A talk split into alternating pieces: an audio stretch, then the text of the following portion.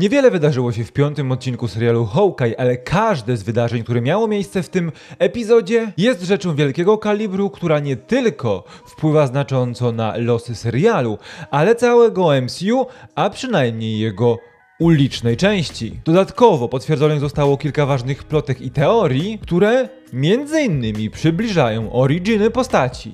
W tym materiale zajmiemy się wszystkimi najważniejszymi elementami piątego odcinka serialu Hawkeye, pod tytułem Ronin i postaramy się rozłożyć je na czynniki pierwsze. Odcinek rozpoczynamy od pięknego wypełnienia informacji na temat Jeleny Belowej. Dowiadujemy się, co działo się z nią po wydarzeniach z Czarnej Wdowy. Jelena wraz z innymi uwolnionymi spod kontroli Drake'owa wdowami odwiedza kolejne agentki, aby wyrwać je spod brainwashingu. Oddala się na moment do toalety i w tym momencie następuje snap Thanosa. Ale, ale, w tym momencie widzimy coś bardzo ciekawego, bo Jelena przenosi się z 2018 do 2023 roku, ale obserwujemy snap z perspektywy osoby wymazanej. To coś nowego, bo widzimy jak dla świata mija 5 lat, a dla osoby, która przestała istnieć, są to właściwie sekundy. Scena w toalecie, która zmienia kolor i wystrój, jest czymś naprawdę mocnym i też została zrealizowana w bardzo ciekawy sposób. Po przywróceniu do życia najważniejsze dla Jeleny jest to, aby dać znać Nataszy, że jest cała i zdrowa. Moje kamienne serduszko naprawdę się rozpłynęło w tym momencie. Szybko przechodzimy do odcinka i poznajemy konsekwencje wydarzeń z finału epizodu czwartego. Kate wraca bardzo smutna i rozczarowana po ostatnim spotkaniu z Clintem, opowiada o wszystkim swojej mamie, która ją pociesza i motywuje dobrym słowem. Jednak nawet w tej bardzo wydawać by się mogło czułej rozmowie matki z córką coś wyraźnie nie gra i Dopiero w finale dowiadujemy się, że faktycznie coś jest nie tak. Bardzo szybko przechodzimy do high pointu tego odcinka, a więc rozmowy Kate z Jeleną. Florence Pugh po raz kolejny pokazuje, jak znakomitą jest aktorką i to niezależnie od powierzonej jej roli. Co prawda, miałem małe zastrzeżenie do tego, że Jelena po tylu latach od wydarzeń z Czarnej Wdowy ma mocniejszy rosyjski akcent niż miała wcześniej. Ale od dawna widzimy, że MCU nie jest konsekwentne z zanikiem lub pogłębianiem się akcentów swoich superbohaterów. To jak Jelena i Kate Bishop ze sobą rozmawiały i jakie kwestie poruszały są bardzo ważne. Bo po pierwsze doskonale wiemy, że pod powłoką bezlitosnej asasynki, jaką jest Jelena Belowa, jest dziecko zaklęte w ciele młodej kobiety. Jelena mówi, że po raz pierwszy odwiedza Nowy Jork i chociaż jest to podróż służbowa, chciałaby odwiedzić kilka istotnych miejsc i pyta Kate Bishop o polecenie najlepszych miejsc, które wypada odwiedzić. Później natomiast pojawia się bardzo istotny z perspektywy całego MCU wątek ich rozmowy. Dziewczyny mają zupełnie inne podejście do sytuacji, ale tak naprawdę Jelena zadaje bardzo ważne pytanie. Co to znaczy tak naprawdę być Avengerem? Czy w ramach robienia wielkiego dobra, ratowania świata, można pozwolić sobie na mordowanie ludzi? I ile jesteśmy w stanie wybaczyć tym, którzy ratują świat? Kate przypomina jednocześnie Jelenie, że nie jest to wyłącznie PR stand, bo bycie bohaterem i ratowanie ludzi pociąga za sobą zawsze konsekwencje i oznacza jakąś stratę, bo bohater nigdy nie jest w stanie uratować wszystkich i zawsze ktoś będzie miał mu coś za złe, albo będzie niepocieszony. I w tym momencie Jelena się trochę wygadała, bo wszystko z perspektywy tego serialu wskazywało na to, że sama chce zemścić się na Clincie Bartonie za to, że poświęcił Nataszę na Wormirze. Jelena jednak powiedziała w tym momencie, że ktoś zlecił jej pracę, jaką jest zabicie Clint'a Bartona. I w tym momencie wszystko wskazywało jeszcze na to, że była to kontessa Valentina Allegra de Fontaine.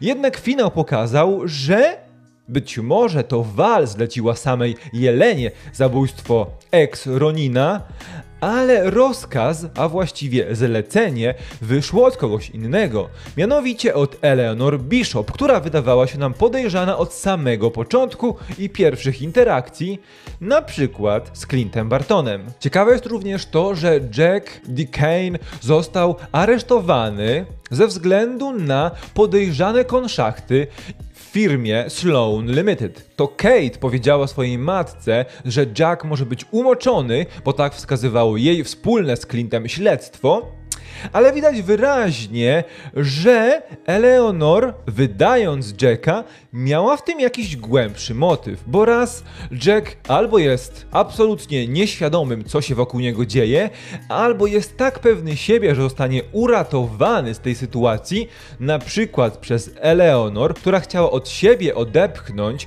wszelkie podejrzenia ze strony Kate, że Jack doskonale zdaje sobie sprawę z tego, że za moment wróci do domu, bo wie, jakie są plany Eleanor. W środkowej części tego odcinka dzieje się kilka bardzo ważnych scen, które jednocześnie chwytają za serce, bo Clint udaje się pod pamiątkową tablicę, która upamiętnia bitwę o Nowy Jork i rozmawia z Nataszą.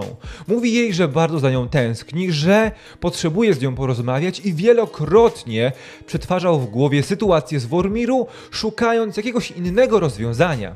Teraz jednak ją przeprasza, bo musi zrobić coś, czego zrobić nie chciał.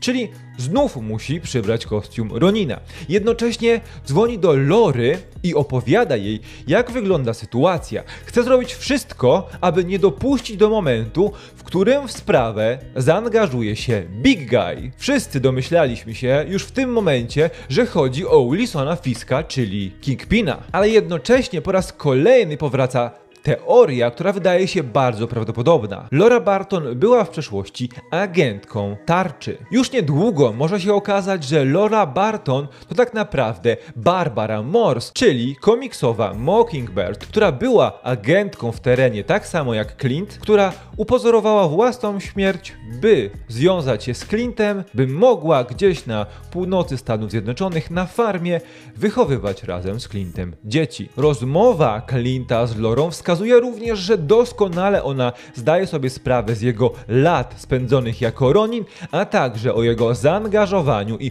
konszachtach z Wilsonem Fiskiem. Czy w zegarku, który stał się McGuffinem i obecnie znajduje się w rękach Mai Lopez, są informacje dotyczące przeszłości Lory, które mogą skompromitować całą rodzinę Bartonów, jest duża szansa, że ten zegarek to ubezpieczenie Wilsona Fiska przeciwko jakimś podejrzanym zagrywkom Clint'a Bartona. Bo w tym momencie dochodzimy do naj, najważniejszej części tego odcinka, a więc pojedynku Clint'a Bartona w stroju Ronina z Mają Lopez, czyli Echo. Clint wysyła wiadomość Piotrowi Adamczykowi, że chce spotkać się z Mają Lopez tam, gdzie po raz pierwszy spotkała Ronina. Wywiązuje się między nimi walka, którą pierwotnie wygrywa Clint, zdejmuje maskę, aby pokazać swoją twarz, a jednocześnie, by Maja mogła zrozumieć, co do niej mówi i informuje ją o tym, że są tacy sami, są bronią, która zmanipulowana i napędzana rage'em i agresją może zostać wykorzystywana do osiągania celów innych ludzi. Clint zdradza Mai, że współpracował z jej szefem, z wujkiem, z Big Guyem i dostał od jego człowieka o tym, że Tracksuit Mafia będzie miała tajne spotkanie, na które wybrał się także Ronin i zabił ojca Echo. Maja nie może w to uwierzyć, ale jednocześnie domyśla się, że osobą odpowiedzialną za przekazanie informacji Roninowi może być Kazi Kazimierczak, który jako jedyny, a także prawa ręka szefa nie znalazł się w gronie przedstawicieli Tracksuit Mafii, którzy zostali zamordowani przez Ronina. W tym momencie okazuje się, że serialowy Origin Mai Lopez zbiega się bardzo mocno z jej komiksową historią. Tam również ojciec Mai został zamordowany bezpośrednio przez Wilsona Fiska, a Echo została przez Kingpina wychowana. Tutaj natomiast Wilson Fisk przekazał Roninowi informacje, a ten zamordował ojca Lopez. I znakomicie w kontekście tej historii sprawdza się właśnie takie rozwiązanie. Widzimy również wyraźnie, że Kazi liczył na to, że Maja zabije Ronina, aby zatuszować swoje zaangażowanie w masakrę Tracksuit Mafii. Muszę przyznać, że ten big reveal tego odcinka był bardzo ciekawy, ale jednocześnie wszystkie wskazówki na drodze do tego piątego odcinka wskazywały, że tak właśnie będzie on wyglądał. Jelena informuje Kate Bishop, że osobą, która ją wynajęła do pozbycia się Clint'a Bartona jest Eleanor Bishop, która współpracuje z tajemniczym Big Guyem, którym jest oczywiście Kingpin. Niestety widzimy jedynie dość mocno rozmazane zdjęcie z kamery znajdującej się w lokalu, w którym Eleanor spotyka się z Wilsonem Fiskiem. Nie wiemy zatem, czy jest to postać ponownie grana przez Vincenta Donofrio. Ten wielki twist sugeruje jednak, że wielkim złym serialu Hawkeye będzie jednak Eleanor Bishop. Oczywiście współpracuje ona z Kingpinem, ale ta postać raczej pojawi się dopiero w bardziej rozległej roli w solowym serialu o przygodach Echo, w którym ta będzie musiała zmierzyć się z rzeczywistością i z prawdziwą wersją swojej przeszłości. Jaką decyzję podejmie i czy zjednoczy siły z bohaterami, aby pokonać Kingpina, na przykład z Daredevilem. Oczywiście nie wiemy jeszcze w tym momencie, czy seriale Netflixa trafią do kanonu MCU. Nie wiemy zatem, jak wygląda przeszłość Kingpina i jaką postacią jest.